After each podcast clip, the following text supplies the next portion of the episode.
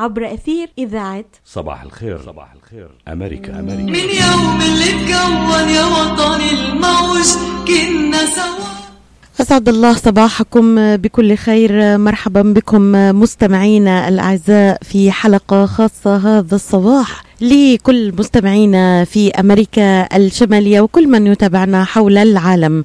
الحج لآلاف والأضحية للملايين. عيد استثنائي بين مشتاقين ومحتاجين.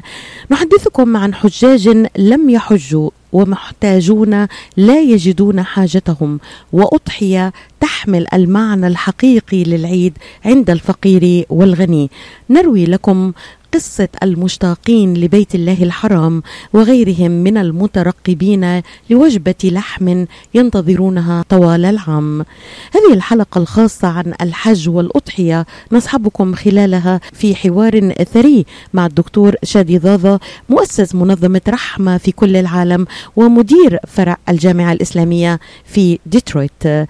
نروي لكم قصص للحجاج الذين اشتاقوا إلى زيارة زيارة البيت الحرام لكن الظروف الخاصة التي يعيشها العالم في زمن كورونا تمنعهم من هذا الموضوع والقرار الذي صدر حديثا أن لا يتجاوز عدد الحجاج العشرة آلاف من المقيمين داخل المملكة. هذا القرار السعودي الذي آه، أقر موسم الحج لهذا العام باقتصارها على عدد لن يتجاوز العشرة آلاف من المقيمين داخل المملكة ومنع استقبال حجاج الخارج الذين كان يصل عددهم إلى أكثر من مليونين ونصف حاج. أسعد الله صباحكم بكل خير ومرحبا بكم في ساعة على الهواء نصطحبكم فيها. هذه الساعة برعاية ومؤازرة من منظمة رحمة في كل العالم. مؤسسة رحمة الإغاثية حول العالم تقدم خدماتها الإنسانية في عدة دول في اليمن، سوريا، الأردن، لبنان ومناطق أخرى في أفريقيا وحول العالم. مؤسسة رحمة حول العالم الإغاثية تدعم اللاجئين في المخيمات بتوفير السلات الغذائية، الإمدادات الطبية، الرعاية النفسية إلى جانب الخدمات التعليمية ورعاية الأيتام والمطابخ الخيرية. جميع تبرعاتكم لهم معفاة من الضرائب وتساهم في حياة أفضل للمحتاجين. للتواصل مع مؤسسة رحمة حول العالم. يرجى الاتصال على الرقم 248 990 4247 That's 248 990 أو بإمكانكم زيارة الموقع رحمريليف.org الحج ليس مجرد فريضة عادية يؤديها المسلمون فهو مجموعة عظيمة من الدروس والعبر التي يستفيد منها المسلم ويتعلمها في أمور دنياه. الصبر على أداء الطاعات توحيد القلوب الأرواح بين الناس. أسعد الله صباحك بكل خير دكتور شادي في هذه الحلقة الخاصة التي آه، تهل علينا فيها. ومع ابتداء العشر من ذي الحجة غدا بإذن الله سيكون أول يوم في ذي الحجة. صباح النور دكتور شادي. صباح الخير أخت ليلى لك ولجميع الأخوة المستمعين. أسعد الله صباحكم بالخيرات والبركات إن شاء الله. ونسأل الله أن يكون العشر من ذي الحجة إن شاء الله. يعني أيام آه، قرب من الله وأيام آه، فرح بطاعة الله وأيام فرج وارتفاع هذا الوباء والبلاء إن شاء الله عن الناس جميعا. دعني أبدأ دكتور شادي من المشتاقين لزيارة آه، بيت الله الحرام بعد آه، قرار المملكة العربية السعودية وهو أعتقد قرار صائب 100% لمنع انتشار الوباء آه، أكثر عالميا، كيف ترى هذا القرار الذي صدر مؤخرا بأن يقتصر الحج على عشرة ألاف حاج هذا العام؟ طبعا دعوة سيدنا إبراهيم يعني من قديم الزمان وسالف الأيام. ربنا اجعل أفئدة من الناس تهوي إليهم وارزقهم من الثمرات. هذه الدعوة آه، قال عنها العلماء هي تضرع إلى الله من سيدنا إبراهيم أن يجعل قلوب المؤمنين آه، تهفو آه، بالاشتياق والسعي نحو بيت الله. فهذا الشعور من الاشتياق هذا الشعور دليل على كمال إيمان هذا الإنسان وهو من أصل الدين. أن يشتاق الإنسان إلى زيارة بيت الله الحرام والطواف في الكعبة وزيارة آه، قبر رسول الله صلى الله عليه وسلم. آه، لكن بسبب آه، جائحة كورونا هذا العام يبدو أنه يعني من الأصوب أن يمنع هذا التجمع والحشد الكبير الذي يجري كل سنة.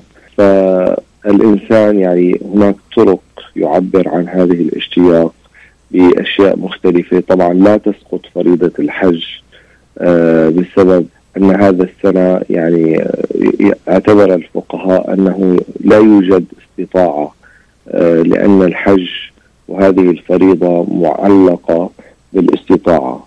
ولله على الناس حج البيت من استطاع إليه سبيلا. فزوال الأمن وعدم أمن الناس على صحتهم هذا يسقط موضوع الاستطاعة. فمن لم يستطع حج البيت ينتظر إن شاء الله تعالى حتى يتاح له ويذهب هذا العامل الذي يعني جعل الوصول إلى بيت الله الحرام في هذه السنة آه شيء صعب. دكتور شادي لطالما يعني تطرقنا إلى الحج من خلال نقاط وزوايا كثيرة تحدثنا معا عن رحلة الحج في آه، العام الماضي في حلقتين مميزتين جدا. تحدثنا عن فرض الحج وفريضه الحج وكيف يتم الحج. لكن لم أتحدث من الناحية الروحية يعني في هذا الوقت العصيب الذي آه، العالم. أود أن أركز معك قليلا قبل التطرق إلى الأحكام. على حقائق علمية أكدها العلماء البرمجة اللغوية العصبية أن الذي ينهك قوى الإنسان هو كثرة الهموم والمشاكل التي يتعرض لها في حياته. وأفضل طريقة لإعادة التوازن هو أن يفرغ هذه الشحنات السلبية المتراكمة بفعل الأحداث التي يمر بها. آه، هل نستطيع أن نعتبر أن استثمار آه، آه، أن الحج هو وسيلة لتحقيق ذلك كما ورد في يعني صياغة علمية وفي عشر حقائق علمية عن الحج. طبعا هو الحج من حيث المبدأ هو عبادة مالية وبدنية. يذهب الإنسان يعني يتكلف من ماله من أجل أن يصل إلى هنا وبنفس الوقت آه، الشعائر ويقوم بأدائها بجهد بدني. لكن خلف هذا وهذاك آه، هناك تحقيق لوجود روحي ومعنوي. عندما يصل الإنسان إلى بيت الله الحرام يصل إلى ذلك البعد والعمق التاريخي الروحي الذي يصله بتلك البقعة التي خرج منها آدم عليه السلام وخرج منها أبو الأنبياء إبراهيم. وأن بيت الله هو يمين الله في الأرض وأن الإنسان عندما يطوف حول هذا البيت ليس فقط طواف بمعنى مادي وإنما هو طواف روحي هو طواف الحبيب حول محبوبه. آه، فلذلك الإنسان يعبر يخرج من المادة وحيز المادة إلى البعد الروحي فلذلك يشعر الإنسان نفسه وهو يطوف في بيت الله وهو يؤدي الشعائر في تلك البقاع المقدسة أن السماء قريبة منه وهذا شعور يعني يصفه حقيقة من اعتاد آه، العمرة والحج. يشعر أنه قريب من الله يشعر أن هذه الروح قد التقت بشيء آه، بعيد أو ضايع منها كما يقولون. وعندما يلتقي الإنسان بأصل خلقه وعندما يلتقي الإنسان بالمعاني التي تجمع روحه هذه الروح تزكو. آه بيصير في عندها جرعة روحية آه حقيقة تخرج من حيزها المادي وتنطلق في فضاء آه كبير جدا. يتخلص الإنسان من هذه الأعباء الثقيلة. وتسمو روحه وفي مجالات حقيقة آه، تطمئن بها النفس وتخرج من أعباء الحياة وتخرج من هذا الثقل الذي يجري آه، علينا بسبب الضغوط والأوهام وتعلق القلب بالدنيا.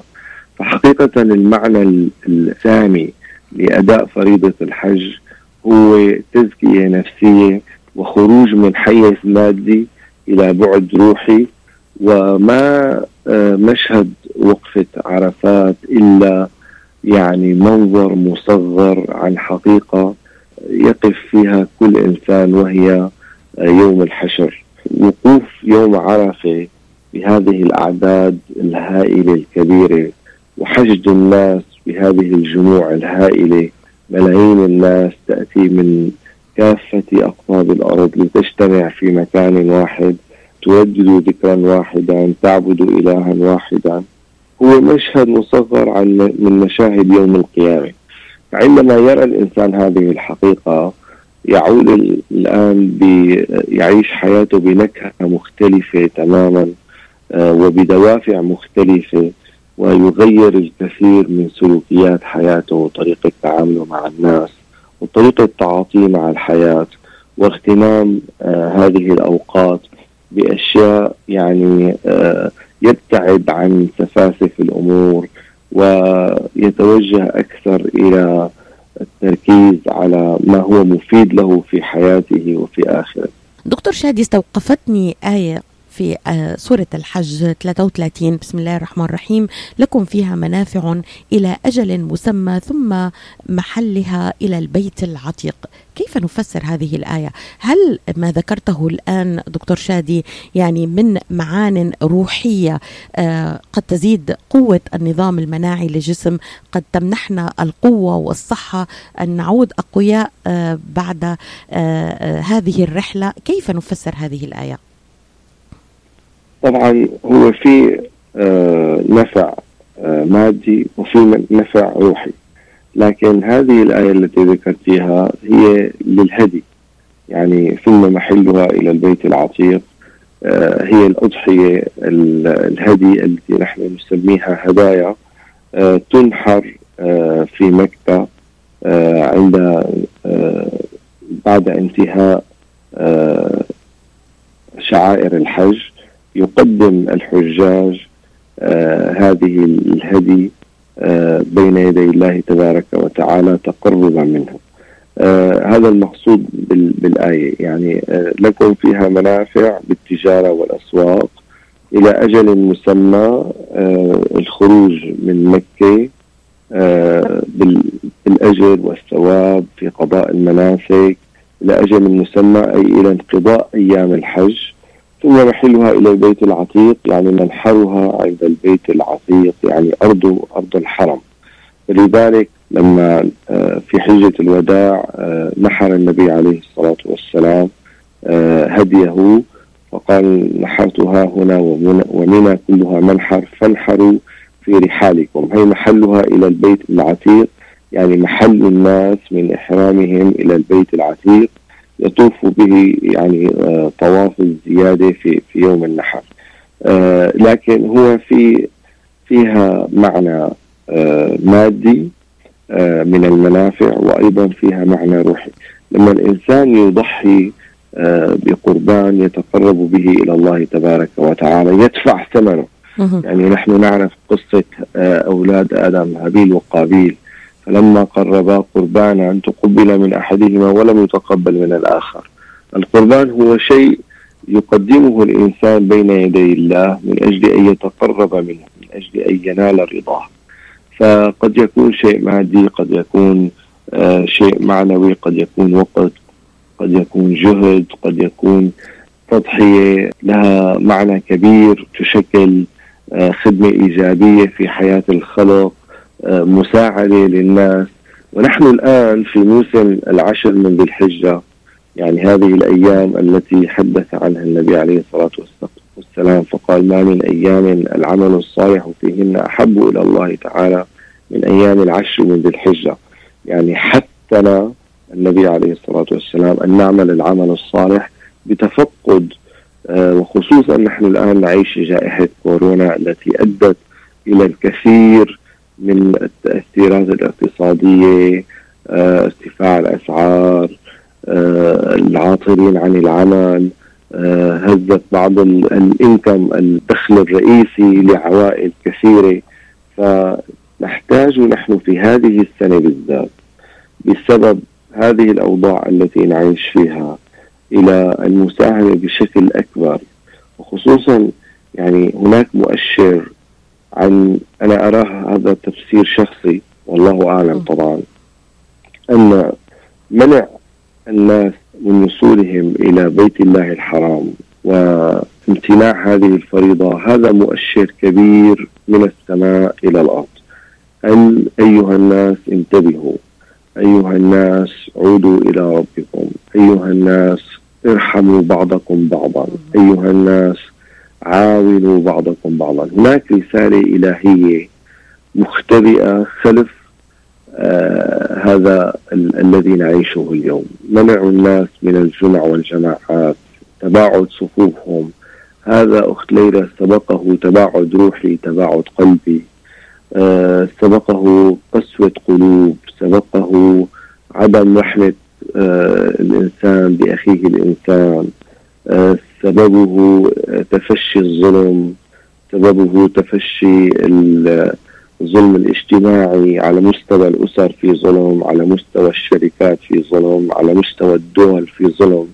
فأتت هذه الإنذارات من السماء من أجل أن نراجع أنفسنا ومن أجل أن نعود إلى الرحمة أن يرحم بعضنا بعضا.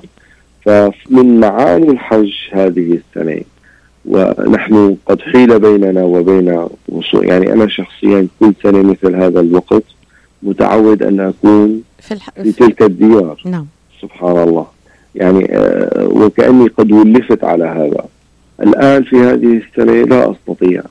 فهناك معنى عميق من من آه، من عدم وصول الناس إلى نعود إلى هذه أرض المعاني. دكتور شادي بعد فاصل قصير للإعلان ونعود معك في الحكم. ما حكم من عقد العزم على الحج ومنعته ظروف قهرية من أدائه؟ ماذا إن لم يستطيع الحج في العام المقبل أيضا؟ هل يجوز أن يتبرع بالأموال التي كانت مخصصة للحج للمحتاجين؟ وهل ينال بذلك ثواب الفريضة؟ كل هذه الأسئلة قادمة بعد الفاصل مباشرة.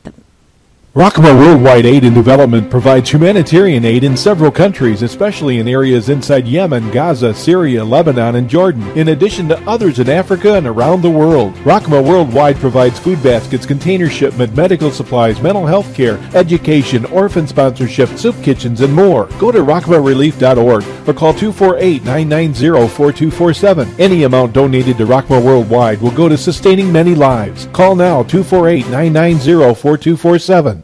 الحج لآلاف والأضحية للملايين عيد استثنائي بين مشتاقين ومحتاجين. هذه الحلقة الخاصة وبضيافتي الدكتور شادي ضاضة مؤسس منظمة رحمة في كل العالم ومدير فرع الجامعة الإسلامية في ديترويت. قبل الفاصل دكتور سألتك عن حكم من عقد العزم على الحج ومنعته ظروف قهرية من أدائه مثل التي يعيشها العالم اليوم.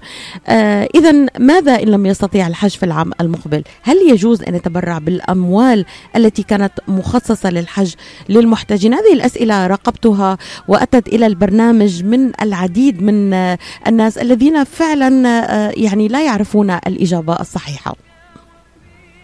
طبعا يعني نية المرء في الإسلام خير من عمله. يعني دائما نحن نركز على النية. آه نصوص الشرع الشريف دائما دلت على أن من نوى العبادة لم لكنه لم يستطع القيام بها لعذر آه يكتب له أجر هذه النية. ولو آه لم يستطع تأديتها بسبب عذر لأن النية معول عليها في ثواب العمل. يعني وهذا دليل مأخوذ من القرآن الكريم في قول الله تبارك وتعالى ومن يخرج من بيته مهاجرا إلى الله ورسوله ثم يدركه الموت فقد وقع أجره على الله. الآية يعني أشارت أنه الأجر والثواب حاصل وثابت لما نوى المسلم فعله من العبادات. لوجود عذر لا طبعا لأ- لأنه إذا في في عذر مثل حكاية هذا العذر هذه السنة وحيل بينه وبين الذهاب آه، وجلس في بيته كان مأجورا إن شاء الله. الآن لا تسقط عنه حجة الفريضة. تمام؟ تمام. يعني لا لكن لو توفي في هذا العام إن شاء الله يكتب عند الله وكأنه قد أدى هذه الفريضة. تمام؟ الآن ماذا يفعل في هذا المال؟ لو رأى أنه آه، إذا أنفق هذا المال لا يستطيع أن يحج في العام القادم فلا ينفقه يمسكه حتى آه، يبلغ العام القادم بإذن الله إذا كان من الأحياء فيذهب إلى الحج لأن حجه الفريضة لا تسقط. أما لو كان آه، يعني مليئا آه، عنده الاستطاعة يعلم أنه لو أنفق من من هذا المال عنده الاستطاعة التي تغطي نفقة الحج العام القادم فينفق هذا تقربا إلى الله تبارك وتعالى. الفقهاء والصالحين عندهم قول آه، عن هذه السنة أنه من لم يستطع الطواف آه، في الكعبة هذا العام فليطف على بيوت الفقراء والمساكين واليتامى والأرامل. فهذا الطواف على الفقراء أقرب إلى الله تبارك وتعالى من الطواف في الكعبة وخصوصا في هذه الأيام وخصوصا في هذه الظروف الصعبة وخصوصا وبلادنا الإسلامية تعاني ما تعاني.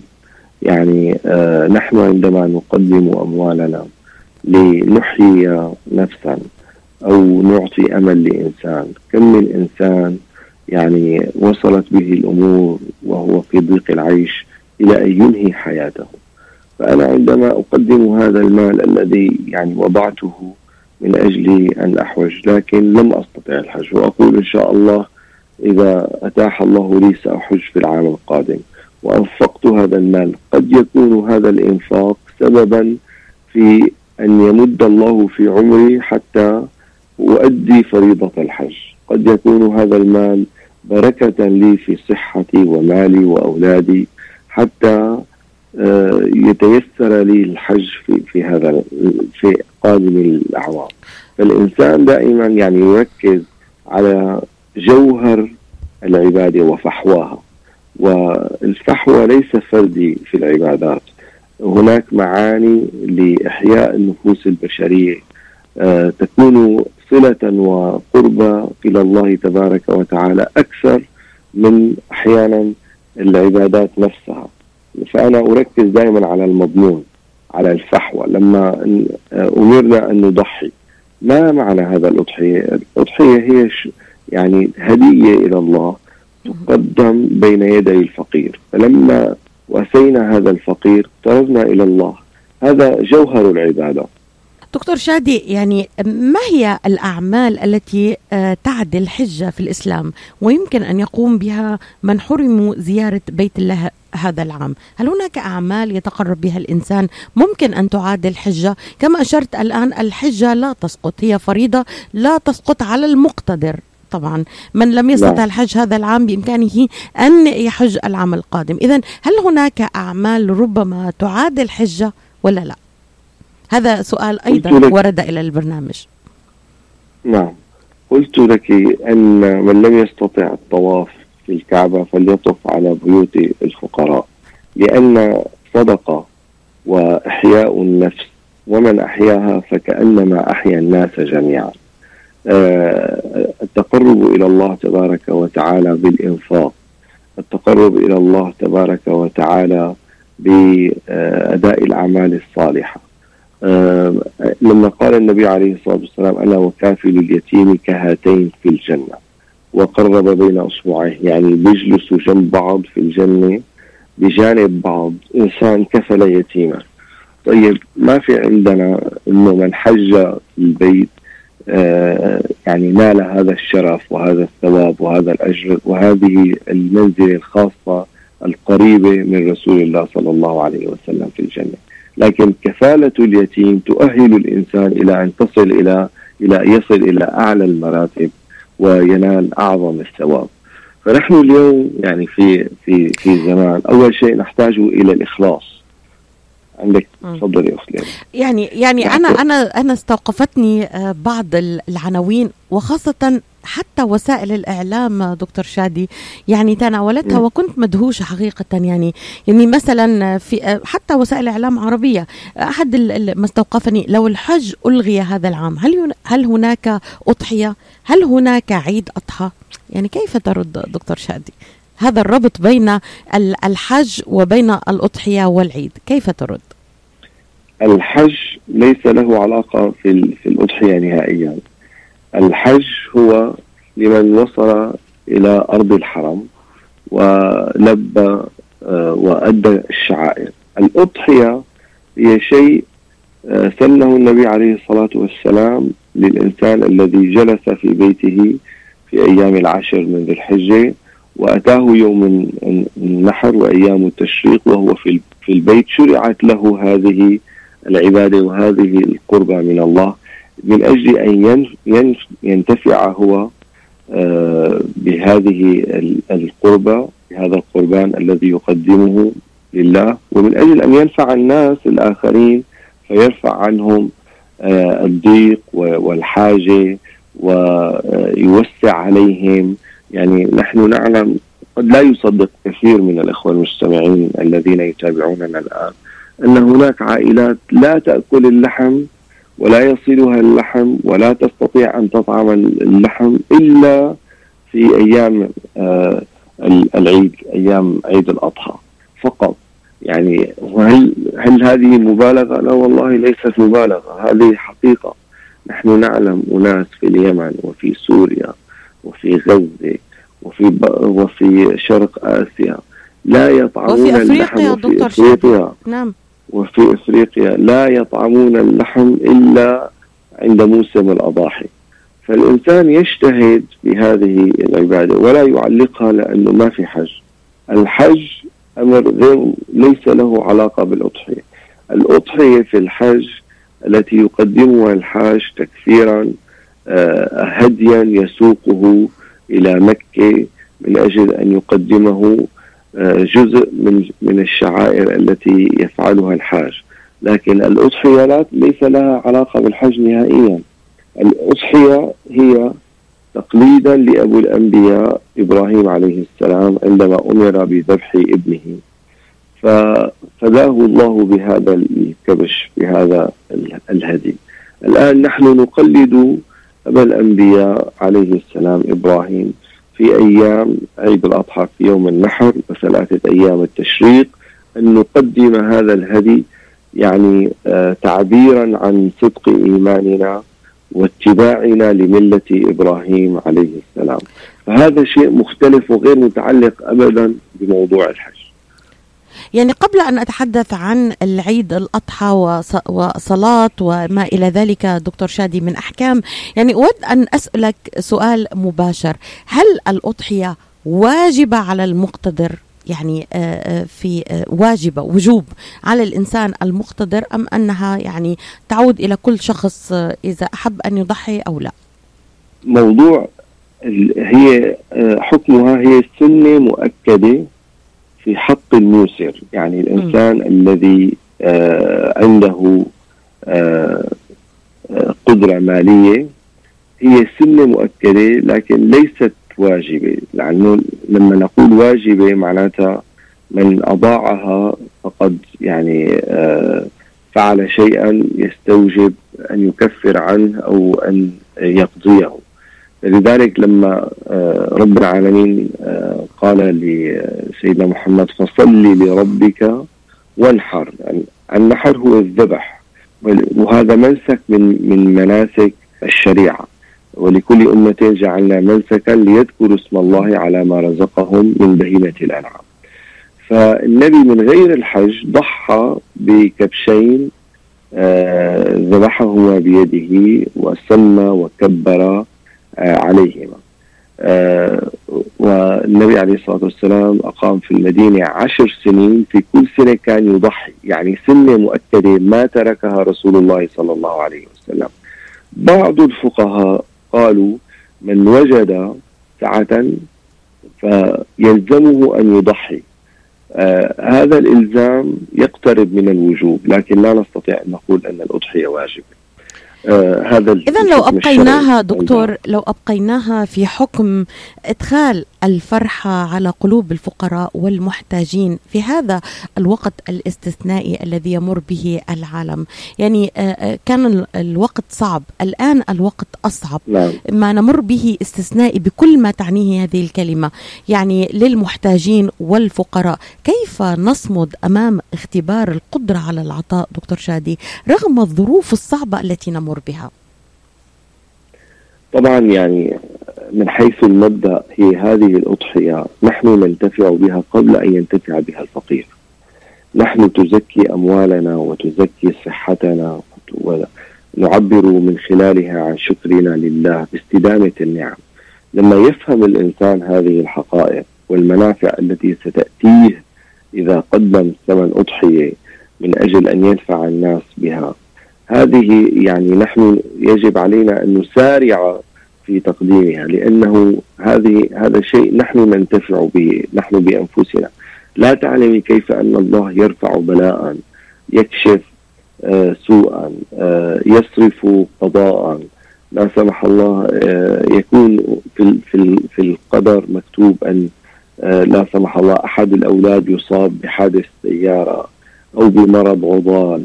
قد يرفع الله هذه آه، الأقدار ويكشفها بسبب أن الإنسان قدم بين يدي الله أضحية أو قربة أو صدقة آه، يعني يعبر عن شكره وامتنانه. فنحن الناس نحن بحاجة إلى أن نضحي من أجل أن ننال البركة في حياتنا. لذلك الأضحية سنه مؤكدة للقادر عليها. يضحي الإنسان عن نفسه أو عن كل فرد في بيته. مثلا أنا اليوم الأضحية في اليمن تكلف 110 دولارات. أنا عندي ثلاث أولاد. أضحي عن كل ولد باسمه أضحية أقدمها بين يدي الله. هذه الأضحية سأرى فيها بركة في هؤلاء الأولاد وسلامتهم وصحتهم وحفظهم وتوفيقهم ونجاحهم في الحياة. فنحن من من الحقيقة هي ليست يعني نحن نقدم شيء وكأننا نمن على الله أننا ضحينا. لا نحن بحاجة إلى هذه الأضحية قبل غيرنا لأن هذه الأضحية ستكون سببا في بركة في حياتنا نراها في أولادنا وفي أموالنا. فأنا يعني أهيب بكل إنسان قادر أن يضحي لا يضحي فقط أضحية واحدة وخصوصا في هذه في هذه الأوقات بل أن يضحي عن كل فرد في عائلته إذا استطاع أن يضحي لأن الناس يعني هذه السنة بحاجة كبيرة جدا وهناك نقص شديد جدا ولا بد أن نقف معهم في خلال هذه الفترة العصيبة وندخل الفرح على قلوبهم. وندخل اللحم والطعام على بيوتهم. ما بيعرف الإنسان كيف دعوة إنسان في آخر الدنيا تصيبه. يعني مثلا أنت ضحيتي بأضحية قدمتيها لعائلة في اليمن أو في سوريا أو في فلسطين وهذا الإنسان رفع يده إلى السماء ودعا بدعاء. يعني وهذا الدعاء يكون رفع في كشف آه، سوء أو صرف مرض أو آه، رد قدر من الأقدار. يعني هذا شيء عظيم. الأضحية أخت ليلى لها معنى عظيم جدا في حياتنا. فأنا أهيب بكل إنسان قادر أن يضحي أن يقدم بين يدي يعني الله يعني حضرتك لخصت صراحة دكتور أهميتها للفقير وللغني على حد سواء من غير أن نمن نعم. على الله سبحانه وتعالى بأننا نضحي لنساعد الفقير فيها فيها يعني آآ آه، آآ آه، يعني منفعة للغني والفقير على حد سواء لمن يقدم نعم. ولم ولمن يقدم له. آه، دكتور يعني حدثنا عن قليلا آه، عن العطاء. ماذا يفعل في روح الإنسان؟ يعني عندما تعطي آه، كيف يمكن أن يجلي ذلك الروح؟ حقيقة هذا الموضوع لا يقف عنده الكثيرين لكن أنا أقف عن عنده مرارا وتكرارا لأن هذا الموضوع يغيب عنا. الناحية الروحية الروحية عندما كما أشرت الآن آه، ال- ال- ال- الصدقة يعني تبسمك في وجه الفقير صدقة فما بالك في العطاء الحقيقي ودعوة ودعوة في ظهر الغيب؟ هذا الموضوع يغيب عن العديد منا آثاره الروحية والنفسية وأيضا ربما آه، توفيق من الله سبحانه وتعالى. يعني الإنسان لما هو يفعل الخير آه، طبعا نحن مأمورون يا أيها الذين آمنوا اركعوا واسجدوا واعبدوا ربكم وافعلوا الخير لعلكم تفلحون. لما يفعل الخير الآن أدى ال- ال- الفرائض آه، أدى النسك المطلوب منه. لما يفعل الخير هذا ما يجعل فعل الخير هذا هو ما يجعله إنسانا يذوق طعم الحياة. وإن لم يفعل الخير فقد حرم آه، الخير الكثير. حرم ال- الشعور بالسعادة يعني مثلا لو أنه أنت وجدتي آه، إنسان كفيف أعمى يريد أن يقطع الشارع على سبيل المثال آه، أخذت بيده ووصلتيه إلى طرف الشارع الثاني. هذا هذا الفعل بالوقوف مع هذا الإنسان المحتاج سيورثك يعني لذة آه، بيشعر الإنسان حاله طاير في الهواء بسبب السعادة التي حققها لذاته بمعاونة الآخرين. أحيانا نحن نرى السعادة بالمال نرى السعادة بالسيارات نرى السعادة بالبيوت الفارهة نرى السعادة بإجازات لكن يغيب عن ذهننا أن السعادة هي بالعطاء. السعادة لما أنا أساهم في إسعاد إنسان فقير. السعادة في آه، إدخال السرور على إنسان على يتيم على أرملة على محتاج. آه، مثل هذه الأيام التي نحن قادمون عليها أيام العشر من ذي الحجة لابد لكل إنسان أن يكون له عمل صالح آه، يتفقد قريب له يرسل هدية إلى إنسان يعرفه بحاجة يكفى اليتيم. هذه الأفعال تورثني أنا شعوري بأني إنسان موجود. هذا ما يجعلني إنسان حي على وجه الأرض. لأنه هذا الشعور لا أستطيع أن أحصله ولو دفعت كل المال من أجل أن أحصل لذة أو أحصل يعني شيء يفرحني. الذي يفرح الإنسان بحقيقته هو أن يعطي.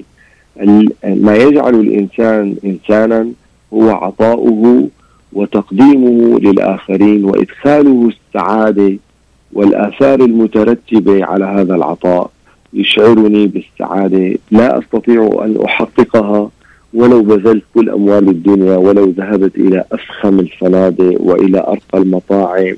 لا أستطيع أن أحصل آه هذا الطعم.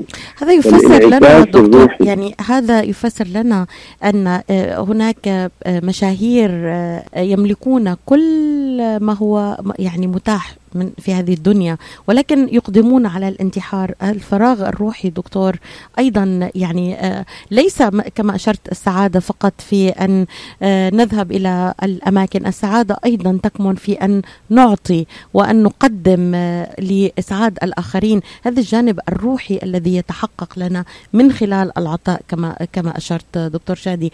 اذا لو سألتك عن ربما يغيب عن البعض عن شروط الأضحية وكيفية توزيعها. هل لك أن ت- يعني تشرح لنا مرة أخرى هذا الموضوع لنذكر به مستمعينا دكتور شادي؟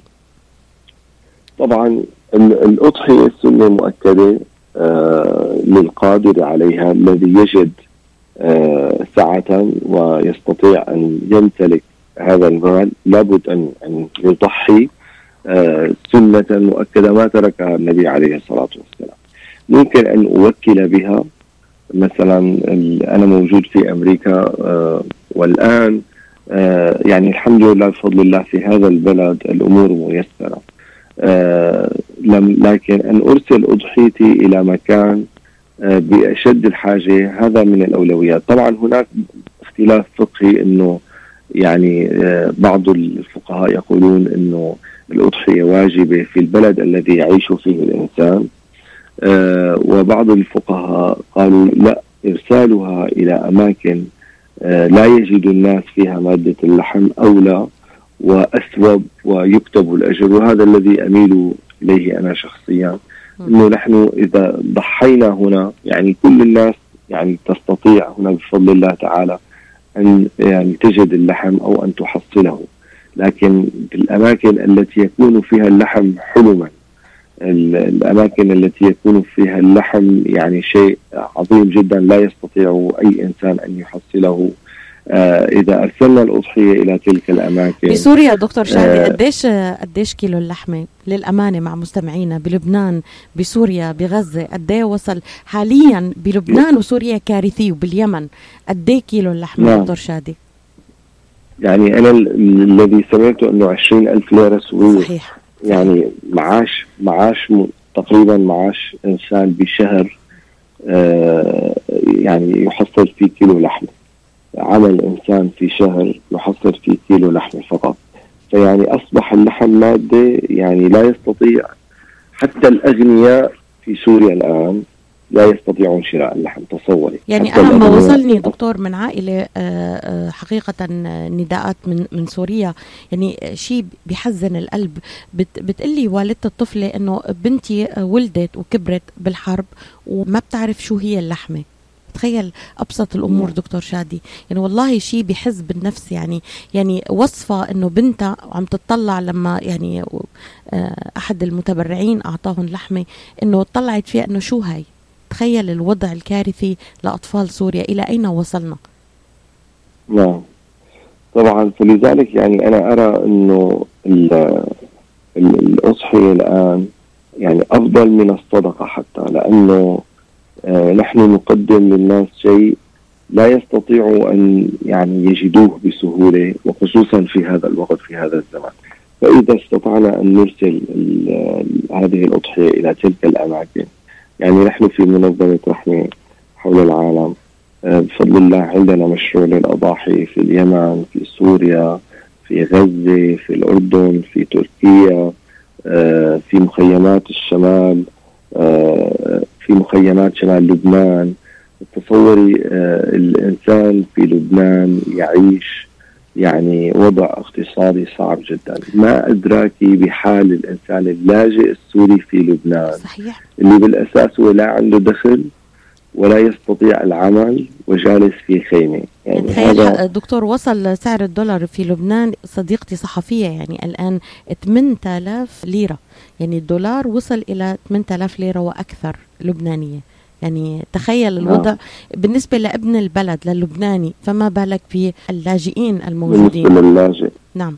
نعم. أنا يعني للأسف آه، يعني بحسب مراقبتنا وملاحظتنا للأوضاع نرى إنه اللاجئ السوري في لبنان يعني آه، وضعه حقيقة آه، من أسوأ الأوضاع أوضاع اللاجئين في العالم كلها. يعني حتى الناس اللي موجودين في سوريا على ضيق العيش تبعهم لكن وضعهم أفضل بقليل من وضع لسه الدولار 3500 4000 ليرة.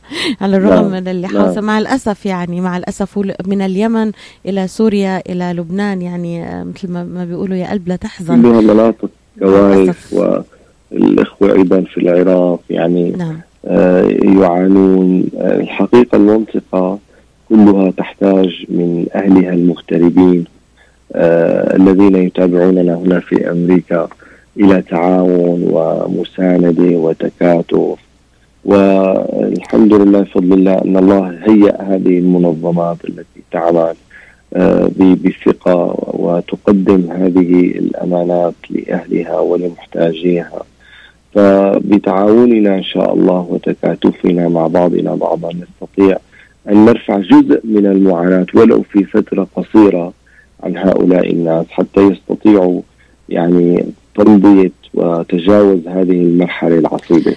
والله نحن دكتور يعني دعني أتوقف. دكتور شادي يعني عند آه، أشرت إلى نقطة هامة. أتمنى أن يكون لنا آه، دور فيها كإعلام. يعني آه، من فترة تابعت مقاله للدكتور نس- نسيب فواز يعني من قيادات الجاليه العربية والامريكيه تحدث عن دور المغترب في بلده الأصلي.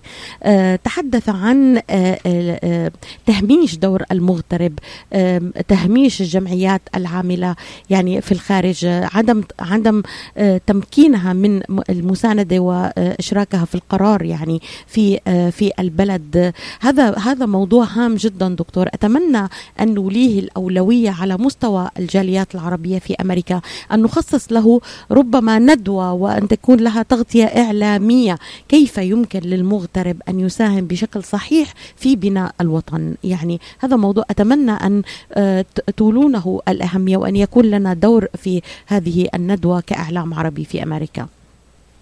ضروري جدا جدا جدا هذا الموضوع وإن شاء الله بإذن الله تعالى.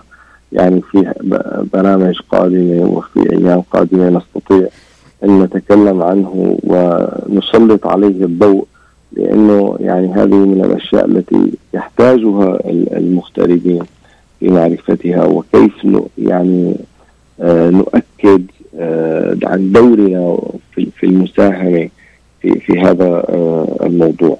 آه، أسأل الله تبارك وتعالى أن يعني يفتح عليك أخت ليلى في من خلال هذه المنبر الإعلامي ال- وهذا الدور الذي تؤديه للجالية حقيقة دور آه، يعني نثمنه ونثمن هذه الجهود وهذه القدرات ويعني واجب على كل من رأى هذا العمل أن يدعمه وأن يقدم آه، يعني يدعم هذه المسيرة المهنية التي تساهم في تغطية جانب أساسي قيم جدا في حياة المغتربين في أمريكا. أشكرك على هذا الدعم دكتور وهذه الثقة. لدينا آه، آه، متصل أخ عزيز متصل م- آه، منتابع دكتور بس بناخذ ال- تفضل. سريع ألو. أيوة صباح النور. صباح الخير صباح النور عيني. أهلا وسهلا. وصباح الخير سيد شادي أنا دكتور شادي سمعت أنه اليوم. آه، سمعت اليوم أنه كله عن اللحم هو صاحب. بعيد الأضحى يذبحوا ويقدموا ال- ما أعرف شو يسموها لأنه اني بس مداخلتي هي لأنه أنا بنشتغل بالإغاثة الدولية وخاصة في الأردن. نعم. مكان ما سمعت أنه 8000 آه، ليرة صارت بلبنان و5000 يمكن في سوريا يعني يعني مو بس حتى ابن ال... ابن الوطن يعني سوري أو لبناني ما صحيح راح يقدر يشتري لحم.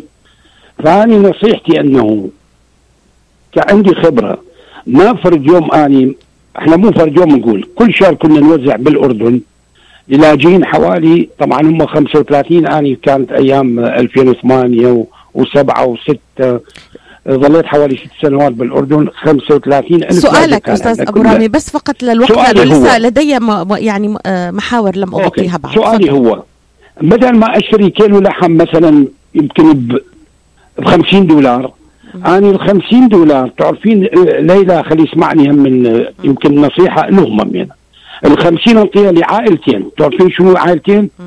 كنت اشتري لهم رز طحين سكر شاي هاي الشغلات الرئيسية اللي يقدر يعيش منها ال- الإنسان تمام. أو العائلة نعم. لأنه أفضل من ما أشتري له لحم أو أذبح له تغيب تغيب عنك تغيب. عنك حقيقة لكن أدعى للدكتور شادي أن ي- أن أن يرد عليك وهو ال- الأضحى وأنا راح نعم أنا راح أسمع منها أنا ترى هاي نصيحتي لأنه اشتغلت بالإغاثة الدولية أهلا وسهلا ويا اشتهار وسهلا فيك. بالأردن أهلا وسهلا وشكرا. جزيلا. أهلا وسهلا فيك تفضل دكتور شادي ألو تفضل. كيف ترد؟ شكرا. طيب آه، طبعا يعني ال- المنطق الذي يتكلم به أخونا آه، من حيث ال- الناحية العملية آه، طبعا هو يعني يغطي حاجة آه، أناس أكثر بهذا ال- المبلغ. لكن آه، نحن نتكلم عن آه، يعني نسب هنا وسنه مؤكدة نتبع فيها يعني نتقرب فيها إلى الله تبارك وتعالى من خلال الأضحية. لأجل هذا نتكلم عن موضوع اللحم. وأيضا بنفس. الوقت هذه الناس هذا هؤلاء الناس يعيشون في حالة فقر شديدة جدا. لا ينتبهون أنه يعني حتى وهم في أصعب الظروف هناك يعني حاجة أساسية لمادة اللحم فهم لو اعطيتهم مصاري أو رز أو سله غذائية وكذا لن يتمكنوا من من من آه، تحصيل ال- ال- اللحم. وبهذا يعني تضعف أجسادهم. يأتي تأتي هذه الأيام من أجل أن يطعموا اللحم وهذا أيضا يساعد في آه، يعني تغذيتهم التغذية الصحيحة.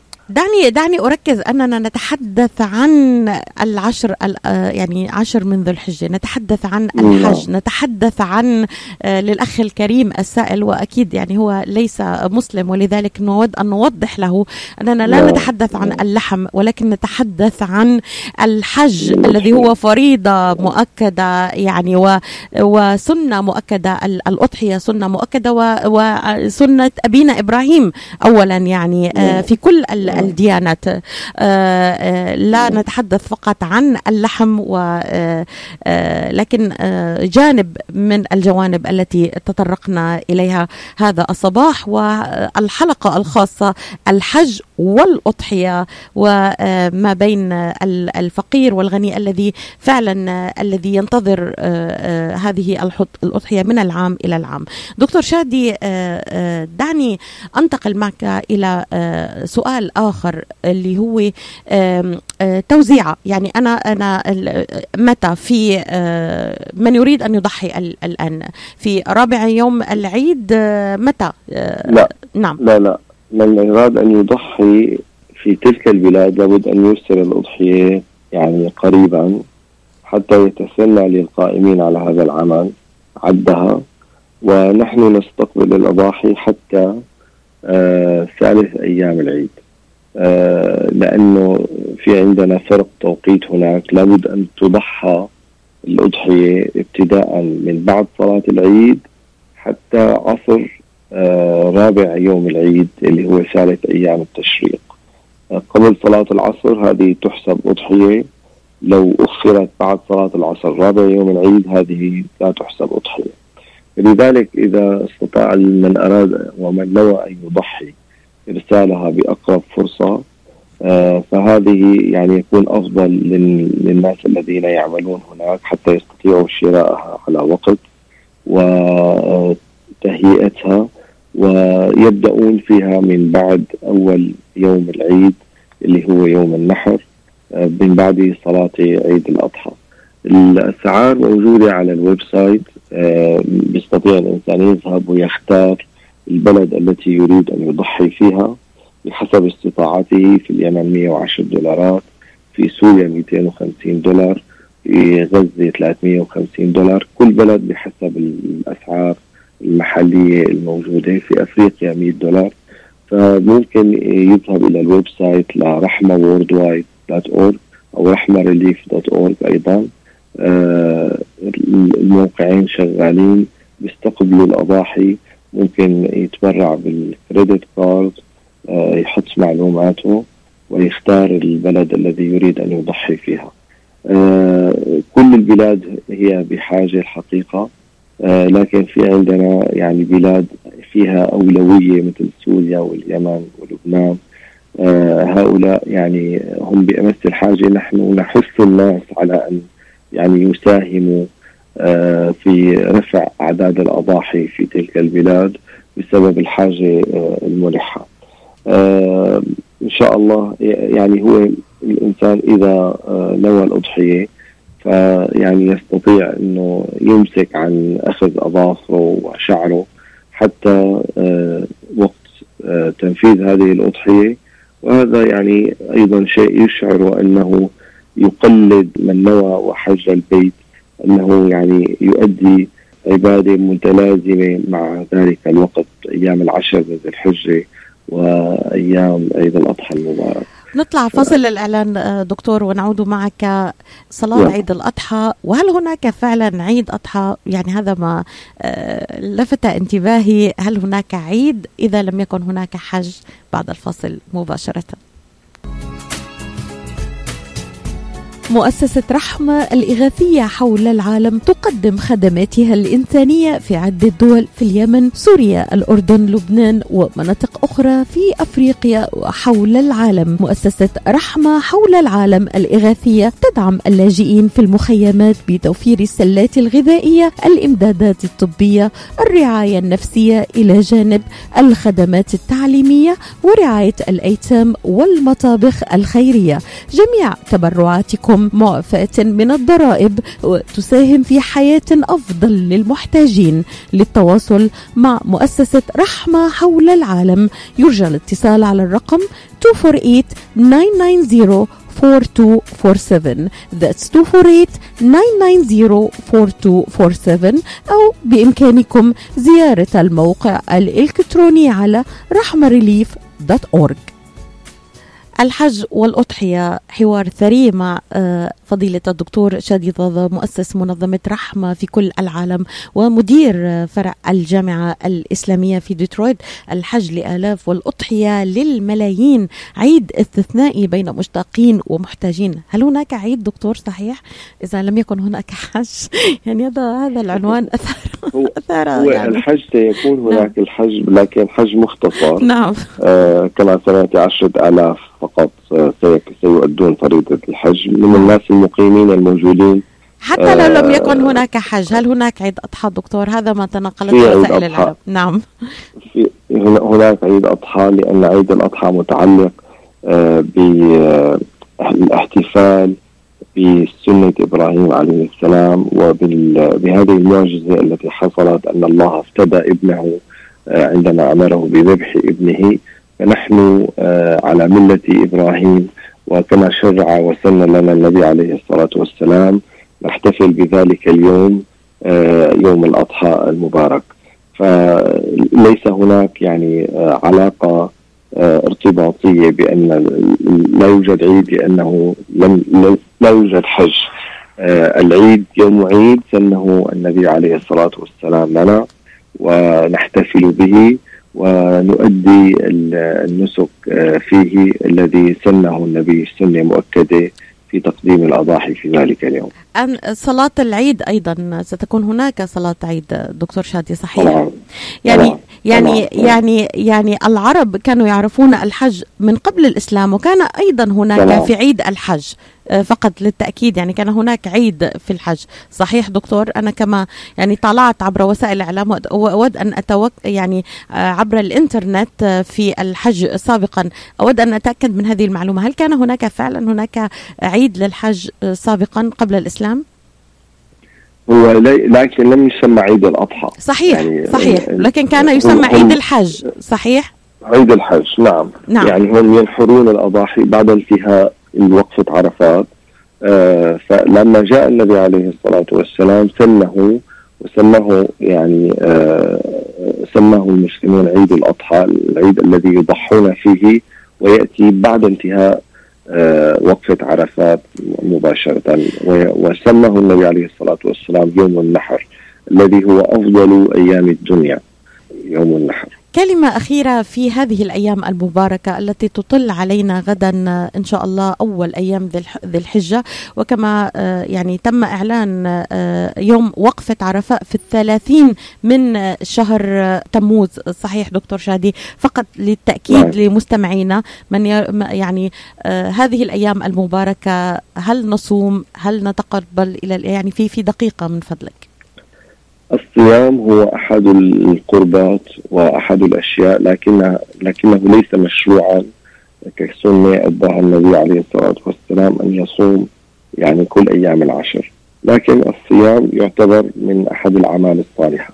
لكن تفقد الأقرباء صلة الأرحام تفقد الأرامل واليتامى والمساكين هذه من أعظم القربات في هذه الأيام. فمن استطاع أن يفعل منها شيء فهذه يعني أجرها مضاعف في أيام العشر من ذي الحجة. والإنسان يعني يسمو بنفسه وبروحه وبماله وبما آتاه الله تبارك وتعالى من أجل أن يترك أثرا طيبا في هذه الحياة. هذا الأثر سيقطف ثماره آه، في الدنيا وفي الآخرة إن شاء الله. دعوة دكتور شادي إلى آه، من يتابعنا الآن في هذه الأيام المباركة التي ستهل علينا أن يرفع الله الغمة عن العالم بأسره. اللهم آمين يا رب العالمين. أسأل الله تبارك وتعالى أن يرفع هذا الوباء وأن يسلم الناس جميعا من هذا الوباء وأن يخرجنا إن شاء الله من هذه الشدة ومن هذا الضيق وأن تعود الحياة إلى ما كانت عليه. وأهم شيء أن آه، يقرب الله بين قلوبنا فيرحم بعضنا بعضا ونتآلف ونتعامل بالمودة والرحمة وأن نكون سببا في إسعاد الآخرين وأن نكون سببا في إيصال الخير لكل إنسان محتاج وإدخال السرور على كل قلب آه، في هذه الحياة. يعني هذه الدعوات إن شاء الله أسأل الله أن تكون أن يجعل الله لنا نصيبا منها. لأنه حقيقة يعني هذا الذي يجعلنا بشرا نحيا ونستحق الحياة ونؤدي دورنا الأساسي في الحياة. الحج والأضحية. آمين يا رب. الحج والأضحية حوار ثري. كان هذا الصباح مع فضيلة الدكتور شادي ضازة مؤسس منظمة رحمة في كل العالم ومدير فرع الجامعة الإسلامية في ديترويت. وهذه الحلقة كانت برعاية مميزة من رحمة في كل العالم. أشكرك دكتور شادي جزيل. الشكر على هذه الإطلالة هذا الصباح. وكل عام وأنت والعالم بأجمعه بألف خير. وأنت بألف خير إن شاء الله وأيام عشر مباركات بإذن الله. وشكرا جزيلا على كل ما تقدميه للجالية وعلى هذه الجهود المميزة في تغطية إعلامنا وتغطية آه، الأشياء الأساسية في حياتنا. بارك الله شكرا لك دكتور شادي ضاضة هذه الليلة الحسيني. تحييكم. إلى اللقاء.